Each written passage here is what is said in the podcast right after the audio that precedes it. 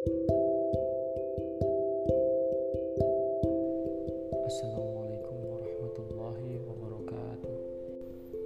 Alhamdulillahirrabbilalamin Wabihi nasta'inu ala umuri dunya waddin Wassalatu wassalamu ala ashrafil anbiya'i wal mursalin Sayyidina wa maulana Muhammadin wa ala alihi wa sahbihi ajma'in amma ba'd Wa ya ayyuhal muslimin wal muslimah Ittaqullaha haqqa tuqatih ولا تموتن إلا وأنتم مسلمون. فقال تعالى في القرآن الكريم أعوذ بالله من الشيطان الرجيم. بسم الله الرحمن الرحيم. تبارك الذي بيده الملك وهو على كل شيء قدير. الذي خلق الموت والحياة ليبلوكم أيكم أحسن عملا. وهو العزيز الغفور. صدق الله. Sahabat muslim muslimah yang dirahmati Allah Subhanahu wa taala. Kajian pada sore hari ini yaitu bertemakan tentang tetap beramal di bulan Ramadan pada saat pandemi Covid-19. Berdasarkan tema tersebut, dapat kita tarik satu kata yaitu beramal bahwa ada tiga amalan yang sangat dicintai oleh Allah Subhanahu wa taala. Sayyidina Abdullah bin Mas'ud radhiyallahu an pernah bertanya kepada Rasulullah, "Ya Rasulullah, apa amalan yang paling dicintai oleh Allah Subhanahu wa taala?" Kemudian Rasulullah menjawab, amal yang paling dicintai oleh Allah Subhanahu wa taala yaitu adalah yang pertama sholat pada waktunya.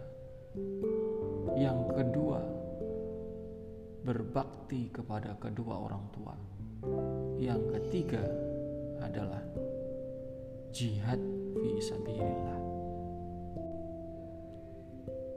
Kawan-kawanku sekalian mari kita untuk mencoba menjabarkan apa yang dijelaskan oleh Rasulullah Shallallahu Alaihi Wasallam kepada Sayyidina Abdullah bin Mas'ud radhiyallahu anhu. Amal yang paling dicintai oleh Allah Subhanahu wa taala yang pertama adalah sholat pada waktunya atau sholat di awal waktu. Sholat di awal waktu yaitu menyegerakan diri kita untuk segera mengerjakan sholat ketika kita sudah memasuki waktu sholat. Perbedaannya di sini adalah lebih menekankan pada kalimat menyegerakan, karena sholat itu keutamaannya sangat berkaitan erat dengan si pengkerjanya. Salat adalah ibadah yang mampu mencegah perbuatan kita, perbuatan manusia dari hal-hal yang tidak baik dan mengarahkan ke arah-arah yang baik, yaitu tanha anil fahsya iwal munkar. Mustahil jika seseorang memiliki akhlak yang baik apabila seseorang tersebut tidak melaksanakan sholat. Begitu pula juga dengan orang yang melaksanakan sholat, mustahil seseorang itu mengerjakan perbuatan-perbuatan yang tidak baik. Namun, ketika kita menemukan banyak kejadian-kejadian di sekitar kita, ada orang-orang yang masih mengerjakan kemaksiatan-kemaksiatan kecil seperti berbohong, kemudian uh, tidak baik dengan eh, orang-orang uh, yang di sekitar. Namun orang itu rajin mengerjakan sholat. Lalu bagaimana dengan keterangan di awal tadi? kondisi yang seperti ini jangan kita langsung mengarah kepada sholat itu bukan untuk mencegah perbuatan keji dan mungkar. Tetapi orang itu pasti bermasalah sholatnya. Ada yang salah dengan sholatnya. Mungkin wudhunya yang kurang pas. Mungkin tempatnya yang kurang bersih mungkin pakaiannya yang kurang bersih sehingga membuat sholat kualitas sholat itu tidak sesuai dengan yang diharapkan oleh syariat Allah. Kemudian kasus yang berikutnya seseorang sama sekali tidak pernah melakukan sholat tapi orang itu kok baik misalkan kita punya tetangga orang itu beragama non-Muslim, namun dia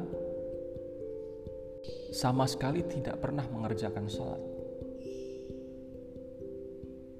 Oleh karena itu, orang mengambil kesimpulan bahwa, oh, ini dia saja tidak sholat, tapi dia mampu bisa bersosialisasi dengan baik, memiliki perilaku yang baik terhadap orang-orang yang di sekitarnya. Nah, ini yang perlu diperhatikan adalah tolong kita bisa membedakan mana itu akhlak dan mana itu adab. Nah, ketika seseorang tidak sama sekali pernah mengerjakan salat Mungkin dia masih punya adab karena dia memiliki ilmu. Tetapi seseorang itu tidak memiliki akhlak karena akhlak hanya dimiliki seseorang yang mau menjalankan syariat-syariat Islam. Sahabat muslimin muslimah yang dirahmati Allah. Poin berikutnya yaitu amal yang dicintai oleh Allah Subhanahu wa taala adalah berbakti kepada kedua orang tua. Birul walidain. Rasulullah Shallallahu Alaihi Wasallam pernah menjelaskan bahwa keriduan Allah itu terdapat di dalam keriduan orang tua dan kemarahan Allah itu ada di dalam kemarahan orang tua. Maksud dari penjelasan Rasulullah tersebut yaitu ketika kita ingin mendapatkan ridho Allah Subhanahu wa taala kita sama sekali tidak boleh mengesampingkan ridho orang tua. Kita tidak boleh berlaku tidak sopan. Kita tidak boleh berbuat yang semena-mena oleh orang tua. Apalagi di zaman sekarang sering kali orang itu berlaku tidak baik terhadap orang tuanya seperti mudah sekali menyuruh-nyuruh berkata tidak sopan atau membentak orang tua Nah, hal seperti itu sangat dibenci Allah dan Ketika kita bisa menghalangi hal tersebut dan kita bisa berbakti kepada orang tua, maka itu adalah amalan yang sangat dicintai oleh Allah Subhanahu wa taala. Sahabat muslimin muslimah yang dirahmati Allah Subhanahu wa taala. Poin yang ketiga yaitu amalan yang dicintai oleh Allah adalah jihad fi sabilillah. Wajahidu fi sabilillah bi amwalikum wa anfusikum. Wajahidu dan berjihadlah fi sabilillah di jalan Allah bi amwalikum wa anfusikum dengan hartamu dan jiwamu. Di tengah-tengah bulan Ramadan yang istimewa ini. Peluang kita untuk berjihad dengan harta kita. Apalagi kondisi sekarang sedang mengalami banyak sekali guncangan, banyak sekali orang yang sakit karena ada wabah COVID-19. Orang-orang kesulitan untuk mencari nafkah untuk keluarganya dan sekolahan-sekolahan banyak yang diliburkan kemudian kampus-kampus banyak yang diliburkan sehingga orang uh, banyak sekali yang berpikiran negatif bahkan kemungkinan untuk terjadinya tindak kriminal itu sangat besar. Oleh karena itu dengan kondisi yang seperti demikian, kita sebagai Muslim, sebagai umat Islam yang memiliki nilai-nilai kebaikan, kita patut untuk memberikan contoh kepada orang-orang di sekitar kita bahwasanya kita berusaha untuk menyisihkan sedikit harta kita untuk bersedekah, berjihad dengan harta kita di tengah-tengah bulan Ramadan membantu orang-orang yang kesulitan, membantu tenaga-tenaga medis yang kesulitan, membantu orang-orang yang kesulitan dalam belajar, memberikan sarana-sarana untuk belajar anak-anak dan sebagainya. أعوذ بالله من الشيطان الرجيم. بسم الله الرحمن الرحيم. وسارعوا إلى مغفرة من ربكم وجنة وجنة أرضها السماوات والأرض أعدت للمتقين.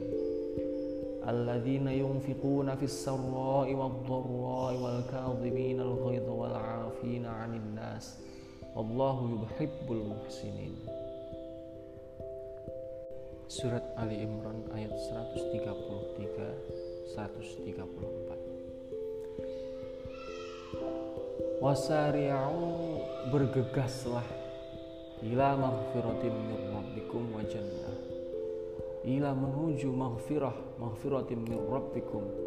Ampunan Allah dan surga Allah.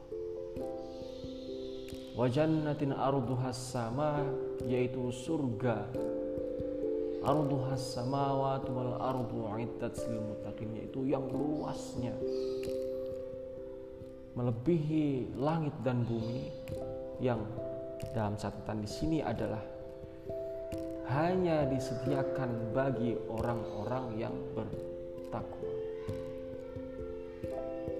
Lalu ayat berikutnya 134 menjelaskan bahwa yang bertakwa itu yang seperti apa? Yaitu alladzina yunfiquna fis sarra'i wad dharra'i wal kadhimina al ghaidh wal 'afina 'anil nas. Allahu yuhibbul muhsinin alladzina yunfiqu yaitu orang-orang yang menginfakkan hartanya fissarra'i wadh dalam keadaan yang sempit maupun keadaan yang lapang wal kadhiminal ghaidh wal 'afina 'anil nas yang mau menahan amarahnya kemudian yang mau memberikan maaf kepada orang-orang yang mendoliminya. Itulah yang disebut orang-orang yang bertakwa penjelasan ayat 133 bahwa orang yang bertakwa yang dijanjikan surga oleh Allah Subhanahu wa taala yaitu orang yang menginfakkan hartanya baik dikala orang itu sempit maupun lapang, mampu menjaga amarahnya, dan mau memberikan maaf kepada orang-orang yang telah mendoliminya. Allah yuhibbul muhsinin. Sungguh Allah itu sangat cinta kepada orang-orang yang berlaku baik. Sahabat muslimin muslimah yang dirahmati Allah Subhanahu wa taala, dalam hal ini kita bisa tarik kesimpulan bahwa berjihad di jalan Allah itu kita harus wasari'u artinya bergegas melihat kondisi negara yang seperti demikian di tengah-tengah bulan Ramadan yang penuh dengan keutamaan amal ibadah amal ibadah kita harus bisa mengambil keuntungan di hadapan Allah yaitu dengan satu menjaga sholat kita. Yang kedua kita menjaga diri kita untuk selalu berbakti kepada orang tua. Yang ketiga kita harus bisa berjihad di jalan Allah yaitu dengan menginfakkan harta kita tenaga kita baik di kala kita itu sempit maupun lapang kemudian kita berpuasa menjaga amarah kita agar tidak merembet-rembet kepada orang-orang yang di sekitar kita. Kemudian kita apabila ada orang yang berlaku tidak baik terhadap kita kita dengan cepat mau memberikan maaf. Sahabat muslim muslimah yang dirahmati Allah di ujung kajian ini, marilah kita berdoa memohon ampun kepada Allah di tengah-tengah bulan yang suci ini. Mudah-mudahan kita mampu melaksanakan puasa satu bulan penuh, kemudian kita mampu berusaha untuk beribadah-ibadah yang istimewa di hadapan Allah yaitu untuk untuk mendapatkan uh, Lailatul Qadar di 10 malam terakhir mari kita berdoa bersama-sama. Bismillahirrahmanirrahim. Alhamdulillah ya Bismillahirrahmanirrahim Alhamdulillahirrabbilalamin Hamdan syakirin hamdan na'amin hamdan yuafi ni'amahu wa yukafi mazidah. Ya Rabbana lakal hamdu kama yang baghi li jalali wajhika wa azimi sultanik. Allahumma salli wa sallim wa barik ala sayyidina wa habibina wa syafi'ina wa qurratu a'yunina sayyidina Muhammad ألف بين قلوبنا وأصلح ذات بيننا واهدنا سبل السلام. ونجنا من الظلمات إلى النور. وجنبنا الفواحش ما ظهر منها وما بطن. وبارك لنا في أسماعنا وأبصارنا وقلوبنا وأزواجنا وذرياتنا وتب علينا إنك أنت التواب الرحيم. ربنا ظلمنا أنفسنا وإن لم تغفر لنا وترحمنا لنكونن من الخاسرين.